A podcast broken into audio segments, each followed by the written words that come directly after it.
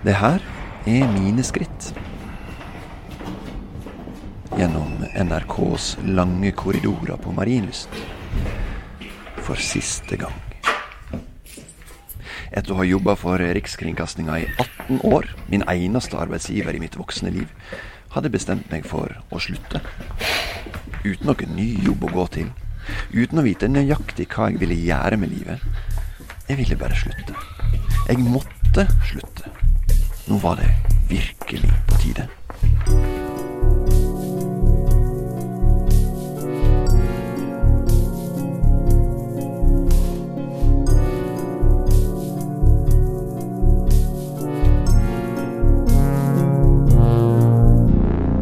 Jeg heter Arild Oppheim, og jeg er midtlivsmannen. 42,6 år. Jeg er ei tikkende midtlivskrisebombe, på desperat jakt etter oppskrifter på hvordan jeg kan unngå den store smellen. Så i denne serien her så skal du få bli med når jeg møter psykologer og andre relevante eksperter, når jeg møter menn som har vært gjennom midtlivskrisa, eller pårørende til disse mannfolka. Vi skal møte uvanlige folk og vanlige folk, alle som kan hjelpe oss å forstå et fenomen som vi alle ser, og mange kjenner på, men som forskerne sliter med å forklare.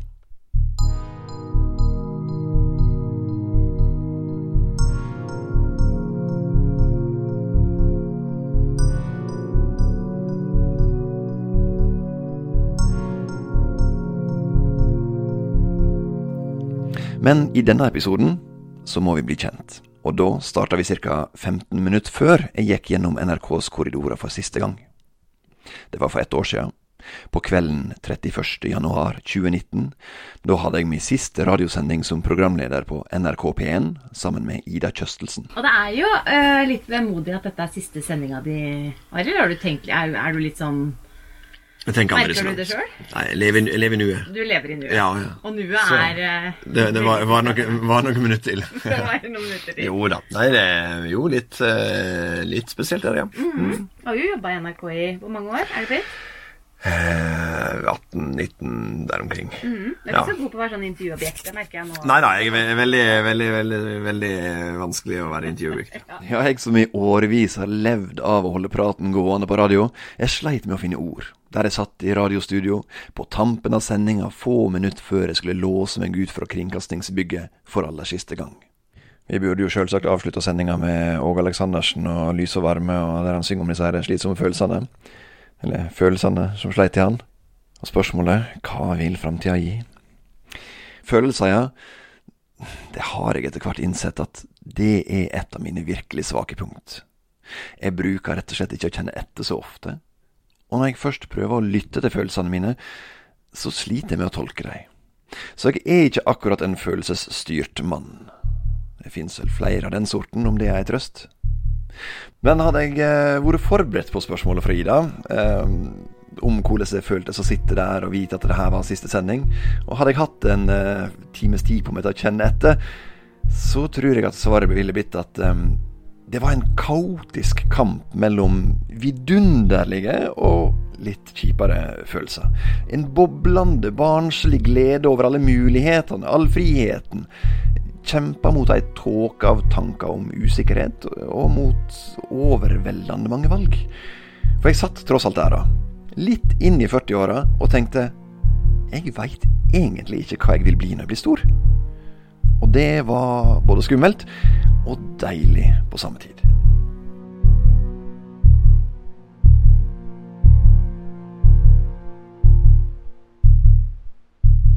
Dagen før hadde det vært avskjedsfest for meg i redaksjonen. På et langbord sto kake, kaffe og alkoholfrie sprudlevarer klare. Jeg hadde fått gaver, og jeg hadde fått taler, og innslaget mitt med strippeline, der jeg på direkten på landets største TV-kanal fikk voksa leggene mine mens jeg intervjua landets mest kjente stripper om kjønnshår og analbleking.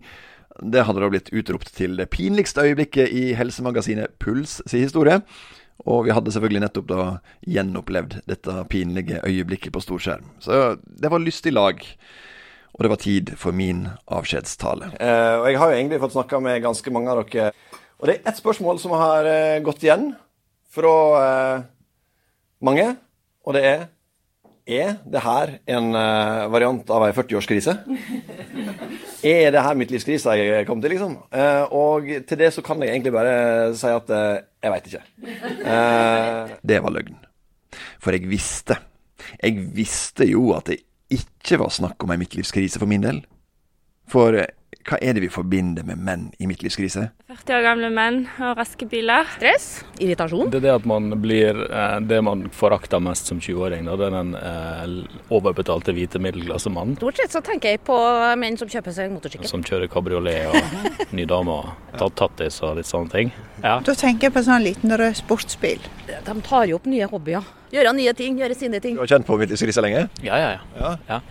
Hvordan kjennes det? det er dyrt. Det er vel han som kjøper Harley Davidson, er det ikke det? Kjøper?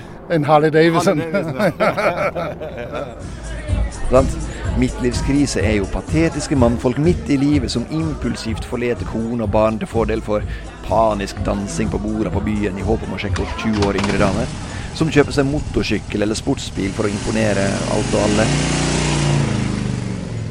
Som kjøper seg lysende trikot og ti par ski, og som over natta skal trene som toppidrettsutøvere for å vinne Birken eller Norseman eller New York Marathon, hva som helst. Jeg var da virkelig ikke en sånn person. Jeg hadde kontroll. Jeg hadde gjort et reflektert valg, som annet handla om lønn. Skal jeg være helt ærlig, så handler det bare faktisk om lønn. Det er så, så, så kjedelig som lønn. Det er det. Altså, nå, nå tjener jeg 550 000. Uh, og uh, det er da eh, som jeg klarer, jeg klarer fint å leve med på det, egentlig. Men uh, det, er, det, er, faktisk bare Det hakket Det er bare så vidt mer enn en nyutdanna sykepleier. Det er litt mindre enn en resepsjonist på et tannlegekontor jeg kjenner. Det er litt mindre enn en nylig omskolert flyvertinne. det er rett og slett bare at en konsekvens av at lojalitet dessverre ikke lønner seg over tid. Uh, og så hadde vi et sånn NJ-møte der det ble sagt at lønna di, det er markedsverdien din. Uh, sånn som NRK ser det. Så tenker jeg at OK, nå jobber vi i dokumentar og samfunn. Vi driver med undersøkende og fordypende. Så da får jeg bare undersøke det. Hva er markedsverdien min? Så hopper vi i det og tester det. Og hvis dere ser meg som en flyvertinne, eller som en uh, tannlegeresepsjonist etter hvert, så, uh, så vet dere hva svaret var. Ja, det handler om lønn, men det handler ikke bare om lønn. På telefonen min så var Notater-appen smekkfull av ideer til bøker, podkaster, TV-program, blogger, kunstprosjekt, filmer. Prosjekt som jeg ikke kunne eller ikke ville utvikle innenfor NRK, og som jeg nå ville ut i det fri for å realisere. Og en av disse ideene handler nettopp om midtlivskrise. Som bringer meg tilbake igjen til avskjedstalen min og spørsmålet som jeg hadde fått fra kollegaene. Er det her en uh, variant av ei 40-årskrise? Mulig de hadde sett noe ved meg som jeg ikke hadde oppdaga sjøl, men uansett, der og da kjente jeg absolutt ikke på noe som helst dødsangst eller panikk, ingen desperasjon over at livet var miserabelt, at kroppen hadde slutta å virke, at livet hadde løpt fra meg. Ingen av disse her kjipe følelsene jeg forbinder med menn i midtlivskrise. Men en annen ting var at jeg helt rasjonelt skjønte at jeg sto jo tross alt med begge beina ustøtt planta i faresona.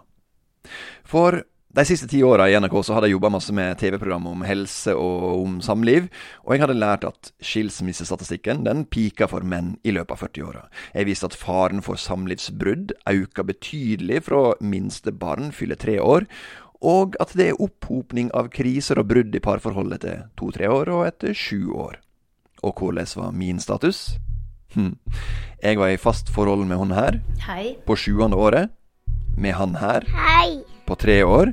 Og på toppen av det hele hadde vi flytta inn i et totaloppussingsprosjekt for fem år sia.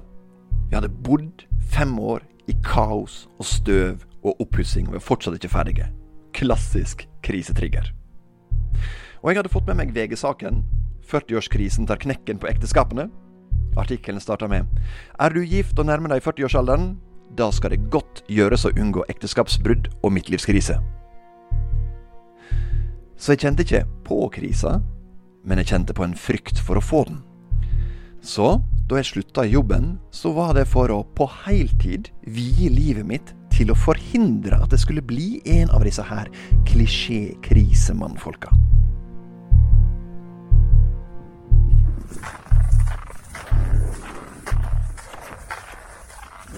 Men det første jeg gjorde i frihet, bare timer etter at jeg hadde hatt siste sending på NRK, det var å rømme byen. Treåringen ble parkert hos besteforeldre, og jeg sto helt aleine. Omringa av blå himmel og hvite vestlandsfjell. Skiløypene var like tomme som kalenderen min framover.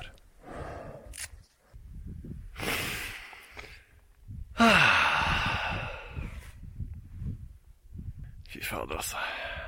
Hvis det er sånn mitt livskrise skal være, så eh, bring it on. Det var så langt fra noe krisefølelse det kunne bli. Men kanskje er det sånn det er?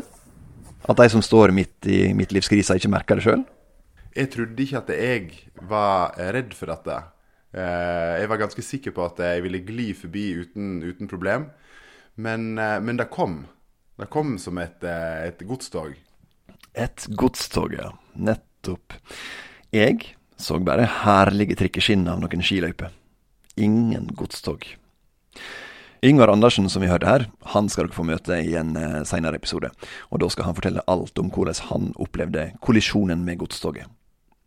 Og jeg har jo lurt en del på akkurat det der det siste året. Hvordan starta ei midtlivskrise? Hvordan er de første sekundene? Er de egentlig helt like de andre millionene med sekunder du har opplevd før i livet? Eller er det en smell? Er det alltid et godstog? Er det sånn at det plutselig går alt opp for deg? Eller mer, plutselig raser alt sammen? Og når jeg har snakka med folk, og gravd meg ned i artikler og forskning om midtlivskrise, så er det én ting som blir veldig tydelig. Midtlivskrisene kommer i utrolig mange varianter. Faktisk i så mange varianter at forskerne sliter med å lage en tydelig definisjon. En tydelig avgrensing av hva er det som er midtlivskrise, og ikke.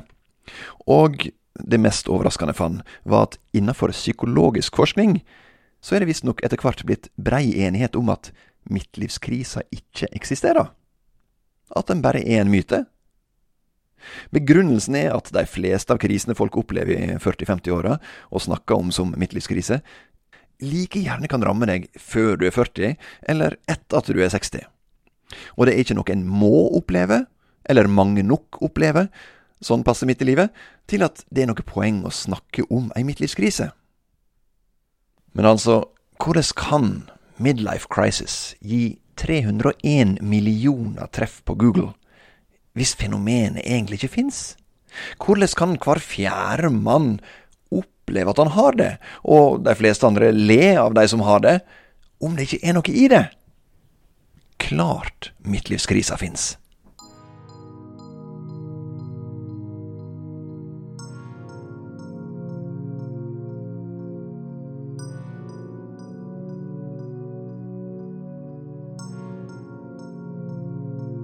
At det er vanskelig å finne en stram nok avgrensing og en god nok definisjon, betyr selvfølgelig ikke at midtlivskrisa ikke eksisterer. De har bare ikke vært flinke nok. Ingenting er umulig, spesielt ikke for en mann i midtlivskrise. Så derfor har jeg bestemt meg for å prøve å få til det forskerne innenfor psykologi ikke har klart. Jeg skal lage en klar og tydelig definisjon av midtlivskrisa. En folkelig beskrivelse av midtlivskrisa basert på opplevelsene til folk som har opplevd den, og fra pårørende. Ja, egentlig fra alle som har en oppfatning av hva ei midtlivskrise er. Og for å få en folkelig beskrivelse, så trenger jeg jo folk, det vil si deg. Så hvis du klikker deg inn på mittlivsmannen.no, så kan du der fylle ut et spørreskjema. Det tar ti minutter, eller 20 hvis du har masse på hjertet. Mittlivsmannen.no, altså. Klikk deg inn, fyll ut, og få andre til å gjøre det samme så får de kommende episodene et veldig bra utgangspunkt. Hjertelig takk.